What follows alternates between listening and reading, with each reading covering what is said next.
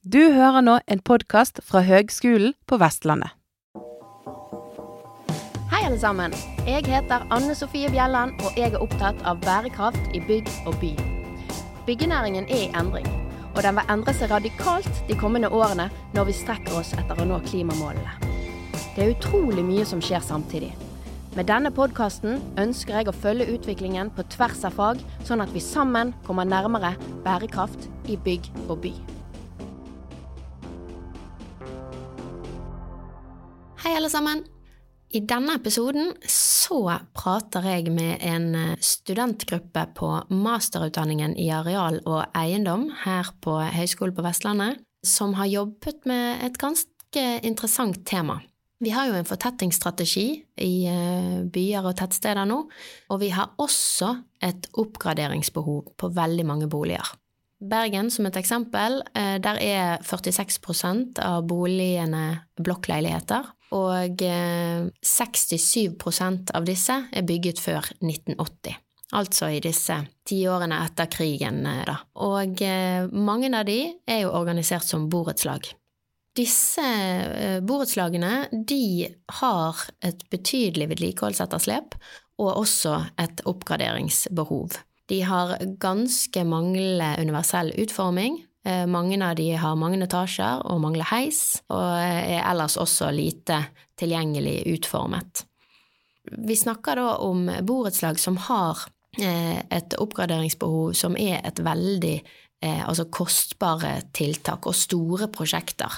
Eh, så de har store utfordringer som, som, vil påføre alle andelseiere påkjenning både i, i, selve situasjonen med å oppgradere, endring i bosituasjonen sin, men også kostnader på den enkelte. Kombinerer vi dette med eh, fortettingsstrategien, så har jo disse borettslagene veldig ofte i hvert fall romsligere eh, områder enn de som lages i dag de har litt å gå på. Eh, så de har fortettingsmuligheter både oppå eksisterende bygningsmasse, i eksisterende bygningsmasse, altså fellesområder eller andre eh, tidligere funksjonsrom som ikke brukes lenger, som vaskerom i kjeller osv. Eh, men de kan også ha da store utearealer som har et fortettingspotensial. da. Og setter vi de to tingene sammen, så har borettslagene en mulighet til å opparbeide seg flere boenheter og selge de, og på den måten dekke litt av kostnadene ved eh, en oppgradering. Og dette her er det mange borettslag som nå går og prøver på og diskuterer. Eh, det lages ulike løsninger.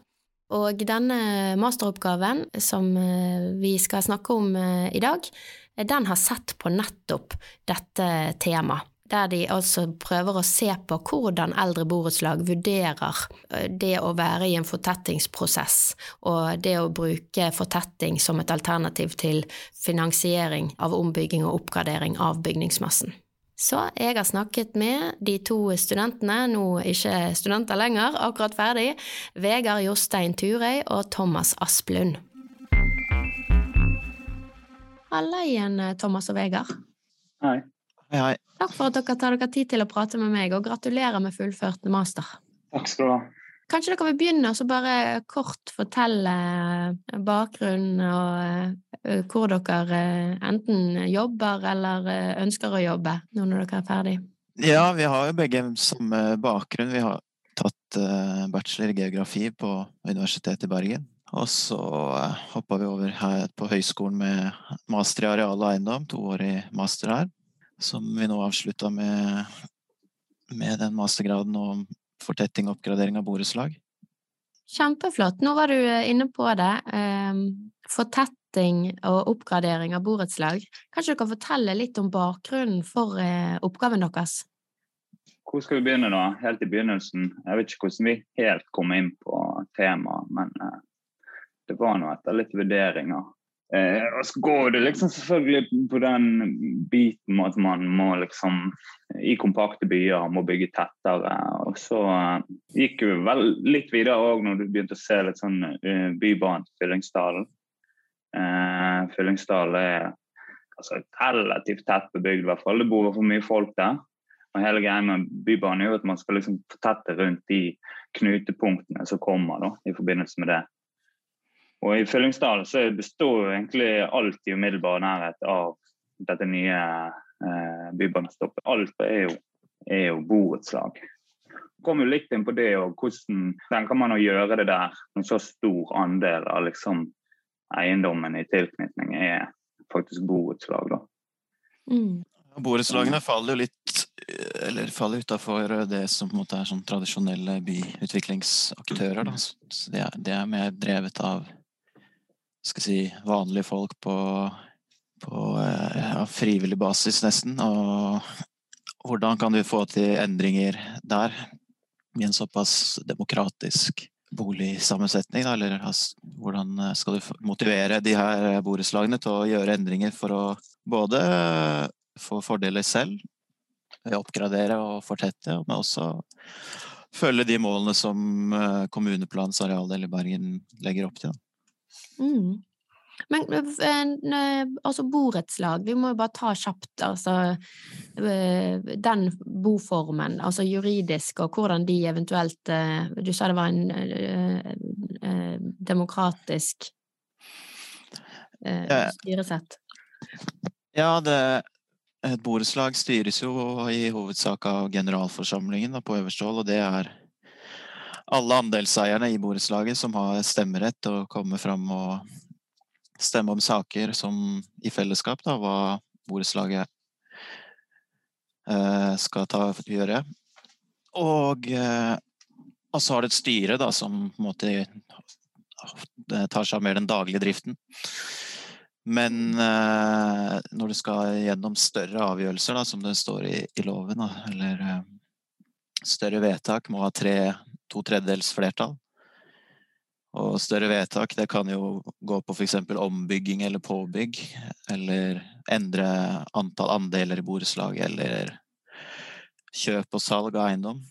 Sånne ting som går litt utafor det ja, altså daglige driften av et borettslag. Da, da som, sagt, som, sagt, så krever det to tredjedels flertall. Det kan vise seg veldig ofte være vanskelig å få til. Mm. Eh, når du har potensielt veldig mange ulike stemmer og veldig mange ulike behov og meninger innad i borettslaget. Så det har vist seg at eh, mange borettslag sliter, eller må jobbe mye da, med å få overbevist andelseierne for å få gjennomført større prosjekter, selv om eh, bygningsmassen tilsier at det er et veldig stort behov for å gjøre store endringer ganske fort. da. Mm. Ja, for dette er jo Veldig mange av borettslagene er jo bygget i disse tiårene etter krigen, sant, og har et stort oppgraderingsbehov. Og mm. kanskje også vedlikeholdsetterslep. Det, ja, det, eller, det, viser jo seg at en del eh, ligger ikke akkurat frampå når det gjelder liksom, det vedlikehold og, og utvikling av eiendommene. Så, så, det er jo egentlig der vi òg kommer litt inn på den biten med fortetting. nå Altså, nå vet ikke om vi bare skal rett videre, men da går jo på den. Så vi har ønsket å se på liksom, hvordan borettslag vurderer muligheten.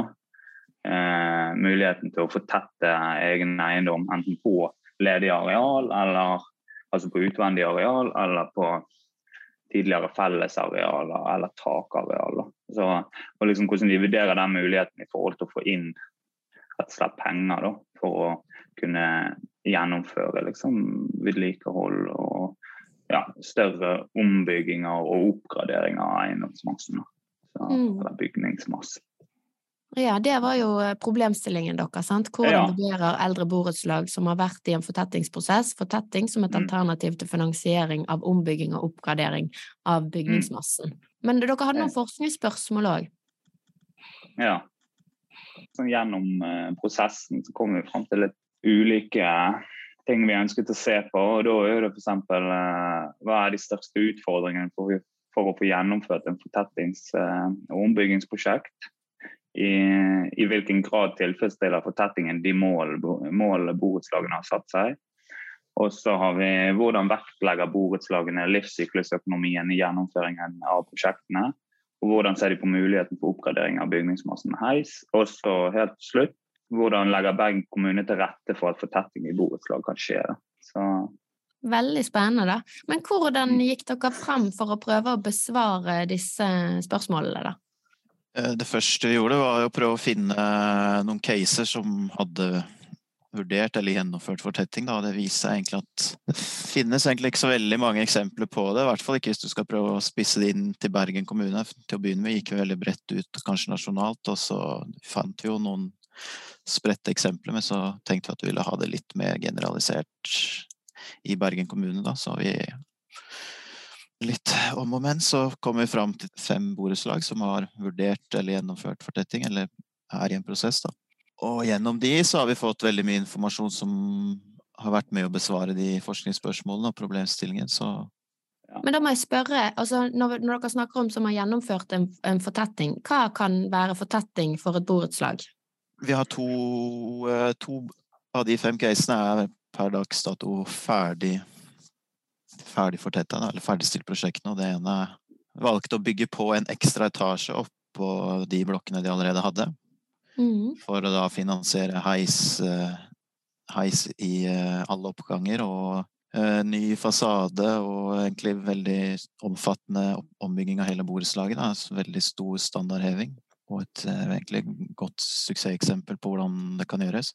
Og det andre eh, gjorde om innendørs felles, fellesarealer til nye leiligheter, altså gjennom ombygging av gamle tilfluktsrom og tørkeloft og sånne ting til nye leiligheter. Mm. Som gjorde at de fikk, eh, fikk, en kapital til å også heve bygningsmassen en god del fra det som kan beskrives som ja, relativt dårlig fra før. Mm. Men bare sånn generelt så kan du si at bare en sånn fortetting som vi ser på det, er jo egentlig eh, så enkelt som tilføring av flere boenheter da, til borettslaget gjennom å egentlig gjøre om ting som ikke har vært boenheter, og bygge de om eller etablere nye. Mm. Og motivasjonen til borettslagene er jo da å få en slags eh, kostnadsdekning, eller altså tjene litt penger mm. på disse nye boenhetene, sånn at man finansierer litt av oppgraderingen. Eh, helt klart. Og det viser jo at eh, man kan jo se for det at eh, man ønsket å fortette òg som på en måte ja, en liksom mer bærekraftsretning. nå at man ønsker å liksom være med og, og, og være med på liksom de retningslinjene og følge de kommunale og statlige ønskene.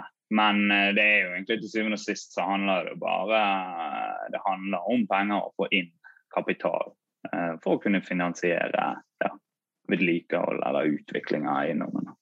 Ok, men da har vi, ja, Dere valgte nå case, og så gjorde dere litt intervju. Vil dere fortelle litt om de?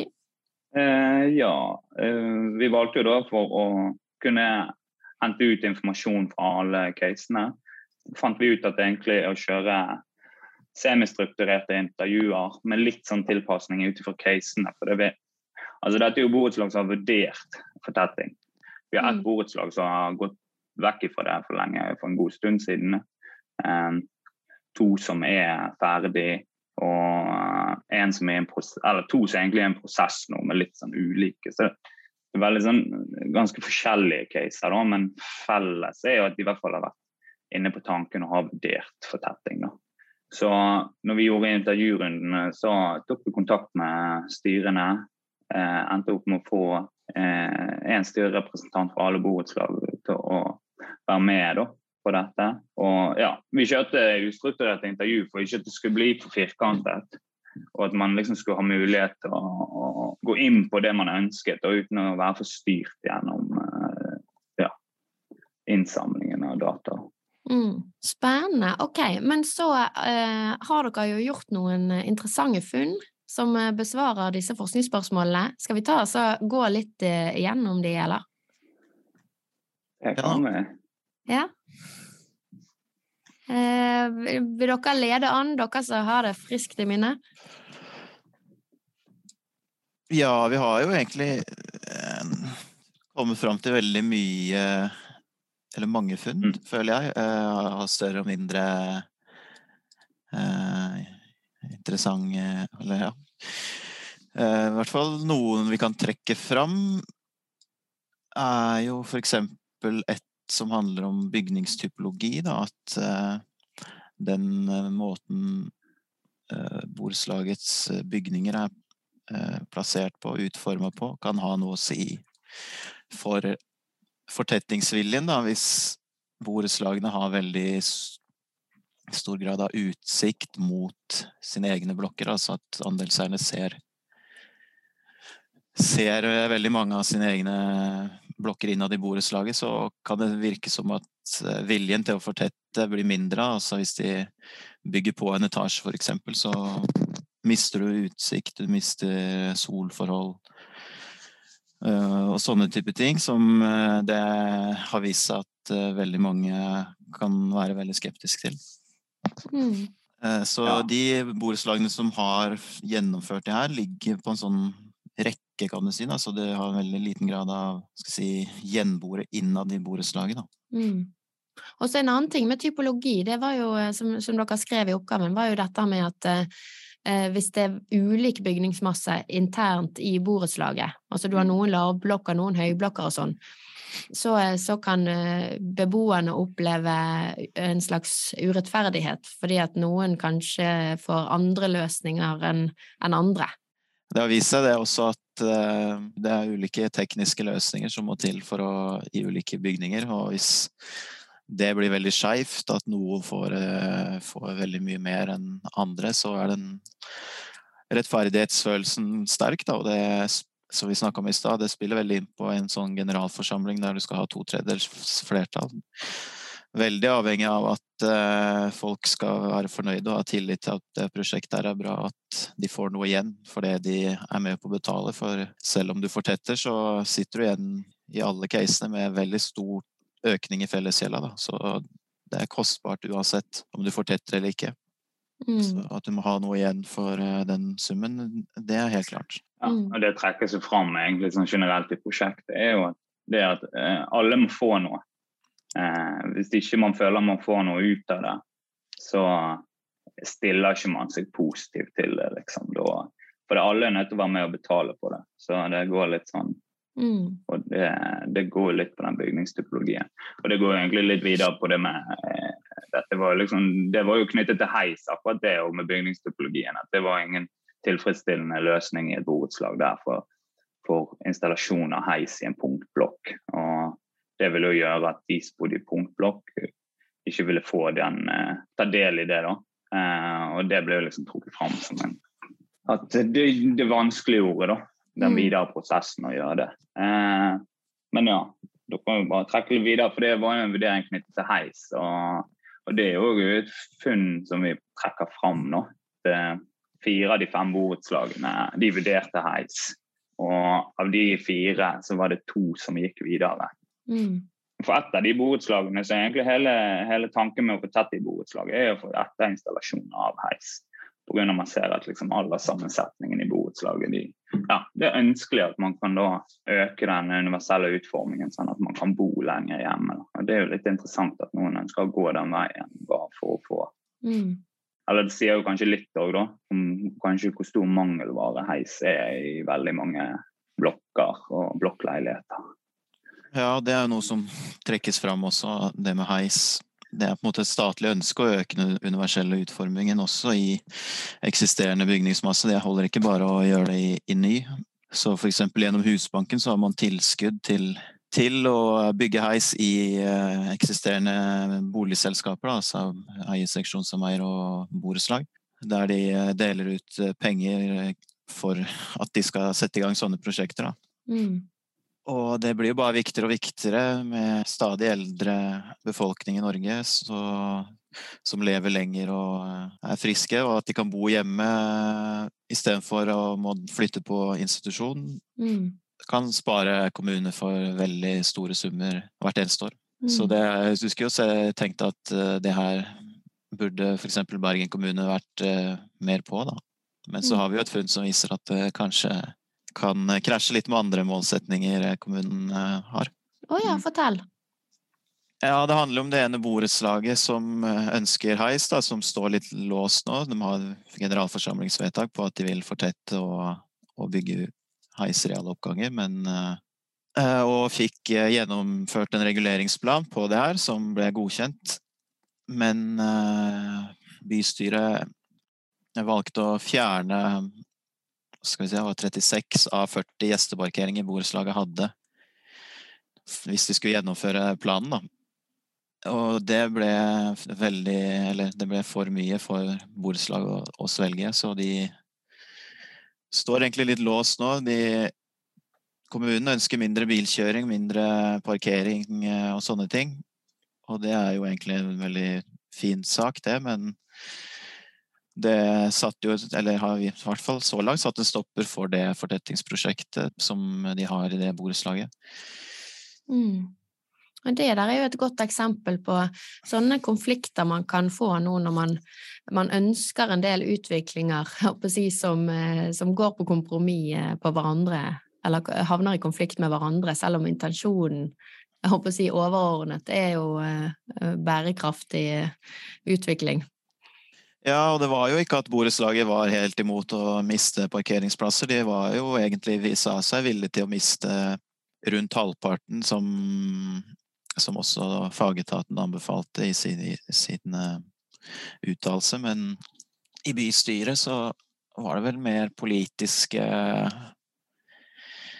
politiske krefter som gjorde at eh, de nesten skulle kutte alt. Da. Og da ble det egentlig for mye å svelge for et borettslag som består av veldig mange eldre, og som ja, du kan si er avhengig av bil, kanskje mer enn andre i hvert fall, men og avhengig av bil for å få besøk og, og så videre. Men eh, ja, ja som men... vi sier, det er jo to gode hensikter som uh, kolliderer litt i akkurat den saken her. Mm. Mm. mm. Ja, nei, jeg eh, har ikke egentlig så mye annet å tilføre, men selvfølgelig det blir litt sånn når man snakker om et borettslag som kanskje ender opp med ja, de blir tett opp under 170 enheter og skal dele på fire parkeringsplasser til gjesteparkering. Det, ja, den ble nok litt hard uh, for mm. de å ta inn over seg. Så, men selvfølgelig to gode mål som på en måte ender opp å jobbe mot hverandre. Og det er jo litt sånn, ja, det er jo et funn, og det er noe å trekke fram, men det er jo veldig synd egentlig når du ser hva det kanskje ja. ender opp som. Mm. Og videre funn på akkurat den saken der har jo egentlig vist at uh, det kan skremme andre borettslag fra å gjennomføre lignende prosjekter når de ser at, uh, at uh, sånne ting kan skje, så blir den reguleringsrisikoen kanskje litt vel høy for mange. Og det er en dyr prosess fra før av, så sette i gang med det og risikere å miste mye eller å ikke få mm. gjennomført, eh, så setter man heller på gjerdet og venter enn å gjennomføre egentlig det vi i våre øyne er gode prosjekter som tilfører mye bra, da, og som i mange tilfeller også oppfyller de fortettingsambisjonene kommunen har. Så er det utrolig tidkrevende òg. Og nå er jo dette en, en, sak der det er egentlig bare er et ønske om å bygge heis eller etterinstallasjon av heis. Men eh, hvis man tar andre eh, caser der man f.eks. Eh, er nødt til å gjøre noe med bygningsmassen for å oppgradere eh, og skifte ut, så, eh, så er jo det en såpass tidkrevende prosess at det er ikke sikkert det er noe man ønsker å gå inn i. Altså En reguleringsprosess er jo veldig tidkrevende i utgangspunktet. Men hvis det er så mye eh, risiko knyttet til det, da, så kan jo det bli fort eh, stemt ned veldig tidlig. At man ønsker å gå inn i en sånn prosess i det hele tatt. Mm. Mm. Og eh, eh, hva fant dere om boligbyggelagenes rolle i fortettingsprosjekter? Eh, det Altså, de har jo alle boligbyggelagene har jo vært inne tidlig i prosess, I, i sånn tidlig prosjektfase.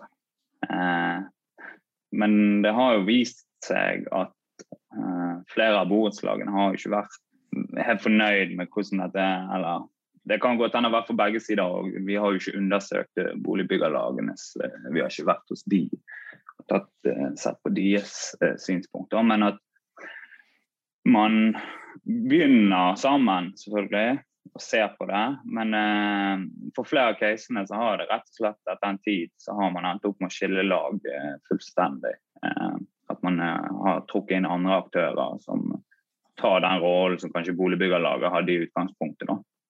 Eh, mm. Men det skal jo sies at Eh, borettslagene trekker fram det forretningsførerdelen som boligbyggerlagene har.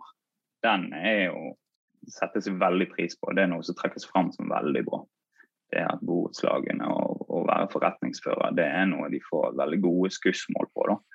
Men når man begynner å gå over i en sånn prosjektfase, de tingene der, så spriker jo karakteristikkene av boligbyggerlagene veldig. da. Ja, hvorfor tror du at eh, man da velger å kanskje ikke, ikke samarbeide på det?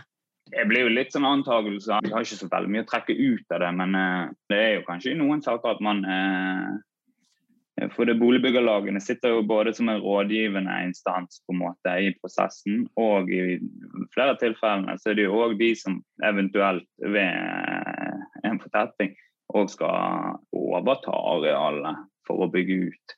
Og om det skjer noe der, det er jo litt sånn om man har helt tiltro til den prosessen som skjer der når man sitter kanskje på begge sider av bordet.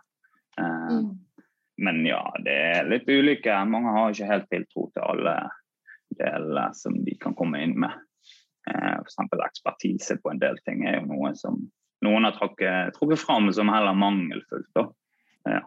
Mm. Hvilke andre funn har dere gjort, da? Skal vi trekke fram, er jo altså den bevisstheten rundt livssykluskostnader, altså det som er knyttet til forvaltning, drift, eh, vedlikehold og utvikling, er jo at eh, og Der har vi egentlig valgt å skille litt sånn eh, mellom for borettslagenes del mellom en normal driftsfase og ombyggingsprosess. da. Det virker i hvert fall å være ganske tydelig at en normal driftsfase så før en ombyggingsprosess så føler man at fokuset rundt liksom, å gjøre gode avgjørelser for, liksom, for, økonomien på lang sikt ikke er noe fremtredende i det hele tatt. Man har ikke noen plan for videre utviklingen av eiendommen og på en måte holde det Altså Mange av borettslagene har ganske stort etterslep på vedlikehold. Og de blir jo altså Sitater selv fra prosjektet og at eh, bygningsmassen var falleferdig og man hadde stort etterslep. Men så viser det seg litt når man gjennomfører en ombyggingsprosess, da, så da øker jo helt klart fokuset på det å tenke fremover. Tenke utgifter og kostnader i det lange løp. Og det er jo det spesielt altså i ombyggingsprosessen å tenke energieffektivisering. Og det er vel helt klart kanskje det på en måte kutter kostnadene for både borettslaget og privatøkonomien for de andelseierne eh, i det lange løp. da. Eh, og der ser vi at de er veldig frampå. Man eh, velger løsninger. altså Man velger f.eks. vinduer og dører med lav verdi. Man eh, får etterinstallert balansert ventilasjon med varmegjenvinning. Eh, etterisolering av fasade. Eh, ja, eh, der er man veldig på å prøve på en måte å gjøre det man kan da, i den prosessen. Og så når man liksom er på en måte ferdig med denne prosessen, så mener vi at kanskje sånn når man går inn i en normal driftsfase etterpå, så er fokuset litt dreid. Da har man kanskje eh, man har fått tilført kanskje i ombyggingsprosessen ny kunnskap, eller man føler man starter med blanke ark, så man har på en måte et bedre utgangspunkt enn det man hadde tidligere. Da. Og Det gjør jo at man er litt mer frampå hvordan kan man liksom generelt se etter løsninger da, som kan holde kostnadene nede. Og noen har eksempelvis trukket fram for etterinstallasjon av solceller da, som på en måte et tiltak også, som i ettertid kan være med og kanskje senke kostnader på sikt enda mer. Da. Disse tiltakene også kan jo være drevet av stor gjeld. Altså, man har jo all grunn til å på en måte prøve å få ned kostnader langt fram i tid. Fordi man har en ganske stor gjeld knyttet til, til prosjektene. Da. Men allikevel, for det om det, det, for det om det er grunnen, så er det fortsatt at man ser litt lenger framover og på en måte skal å, gjøre tiltak da, som er med på å på en måte ha en mer langsiktig tankegang da, på drift av borettslaget. Mm. Eh, på den annen side så ser vi sånn at eh, det er jo egentlig det ønsket at når man først gjennomfører en oppgradering, man ønsker å heve standarden på bygningsmassen egentlig opp til dagens standard. Da, så man, sånn at man ikke får et gap mellom eh, nye, bygning, altså nye eh, boliger som blir bygd i dag, og eldre boliger. Og det vi ser er jo at Borettslagene gjør veldig mye for på måte på mange områder da, eh, dekke inn det gapet som er fra når bygningen var ny til i dag. da. Og det er jo som sagt med de tingene nevnt i sted, med etterisolasjon og balansert ventilasjon og sånne ting som er jo helt normalt i dag. da. Mm.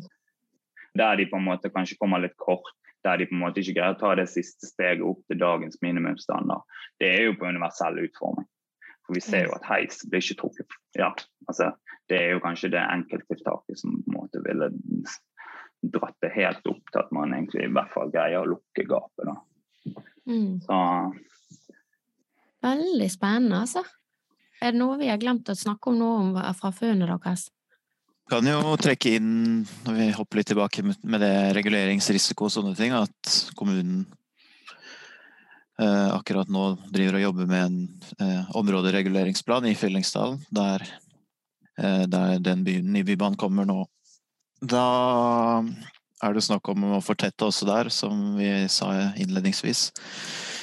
Og mesteparten av det er vel planlagt skjedd på det Oasen kjøpesenterområdet, men planen legger også til rette for at borettslagene skal kunne fortette sin egen eiendomsmasse, da, siden de tross alt er kanskje ja, samme kommunens største eiendomsbesitteren i Fyllingsdalen, i hvert fall i sentrale områdene. Da.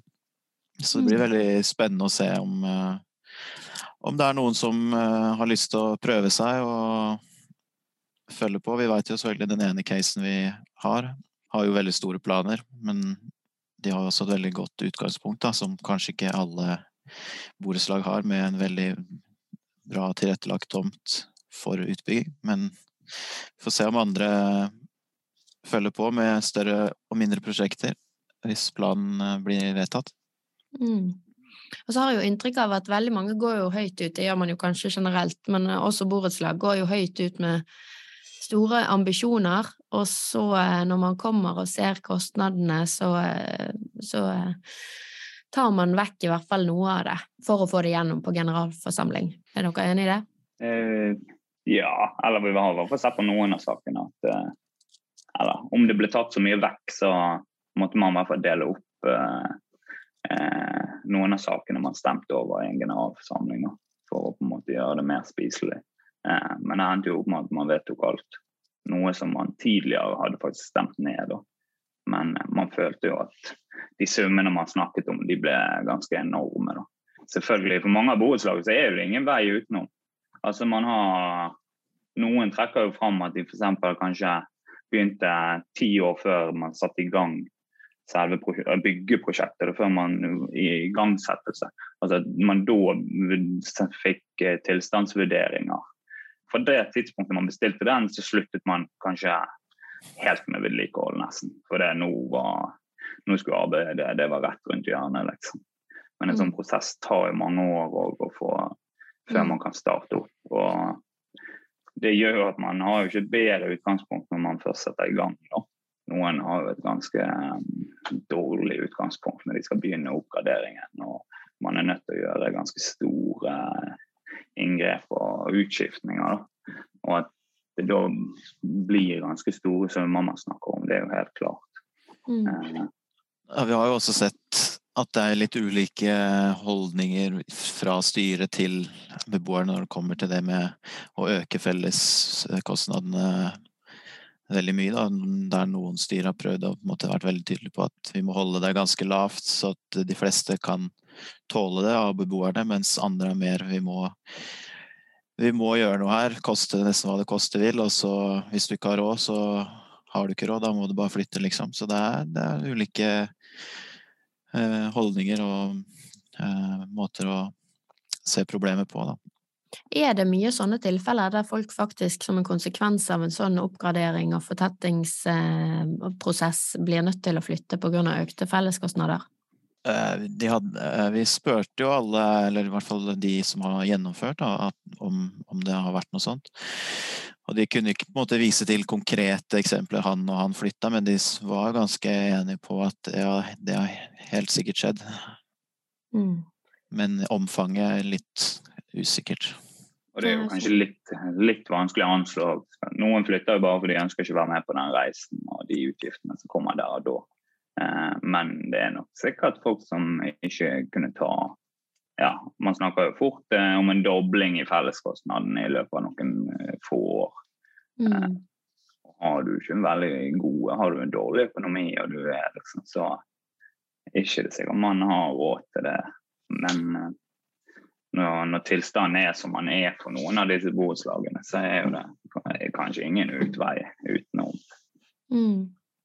Men da må jeg spørre dere, for det, uh, dette er jo egentlig uh, ønskete utviklinger. sant? Altså Man ønsker å oppgradere bygningsmasse, og folk skal ha det bedre der de bor. sant? Få en bedre bokvalitet osv.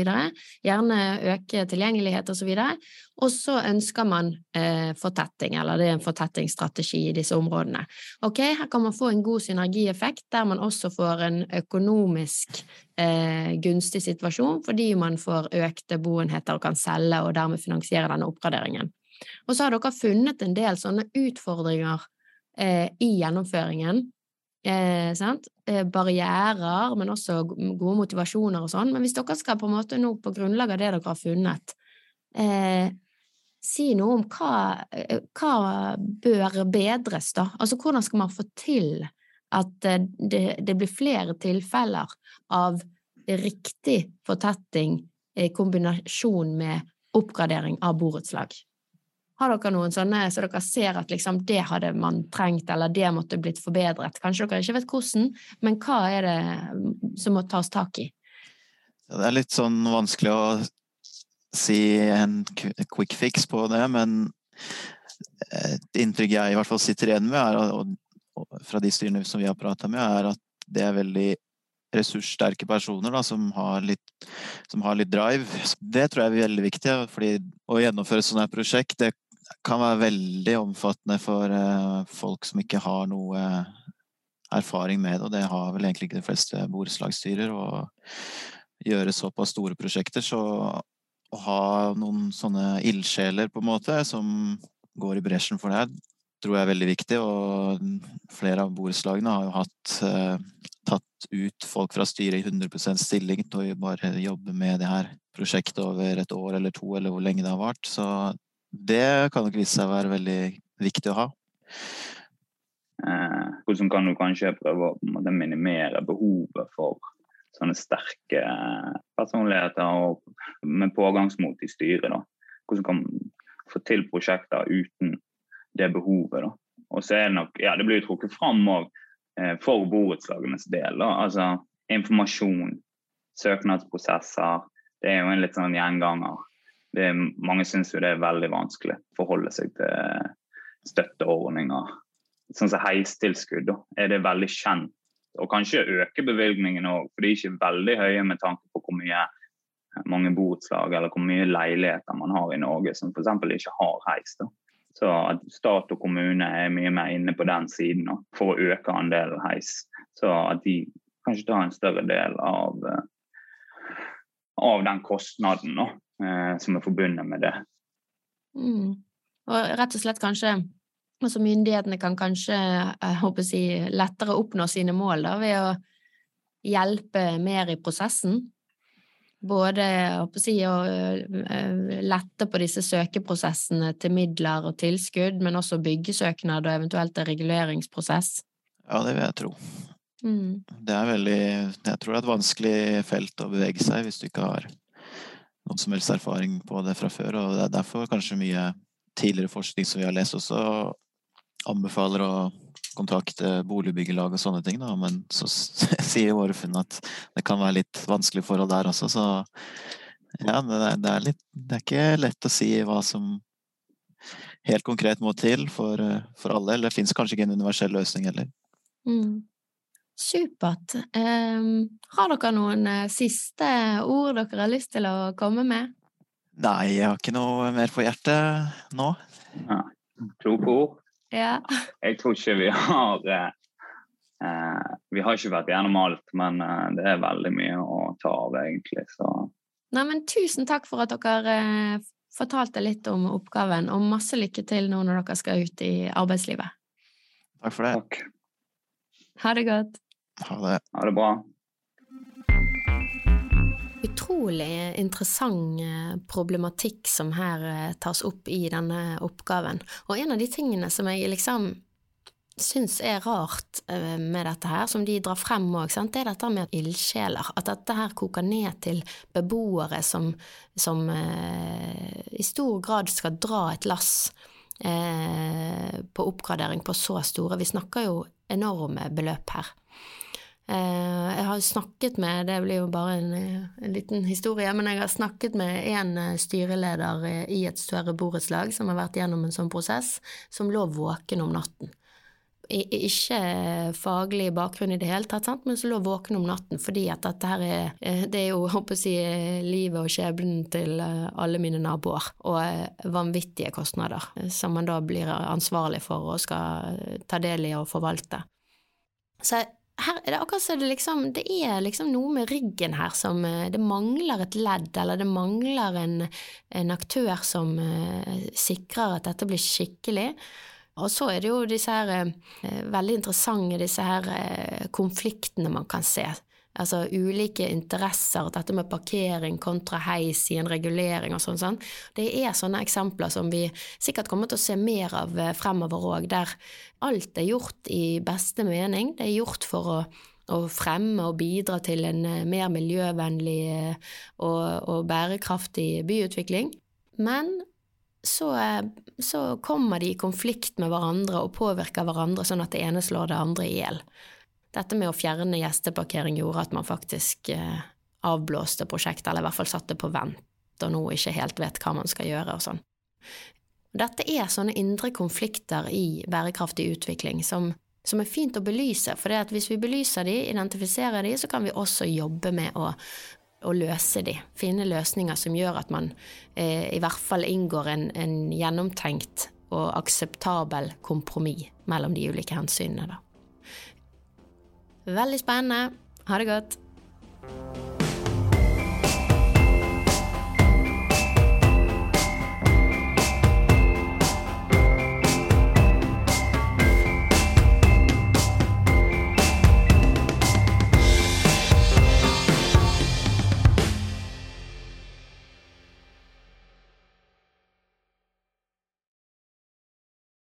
Du har nå hørt en podkast fra Høgskolen på Vestlandet for å høre flere podkaster, besøk hvl.no slash podkast.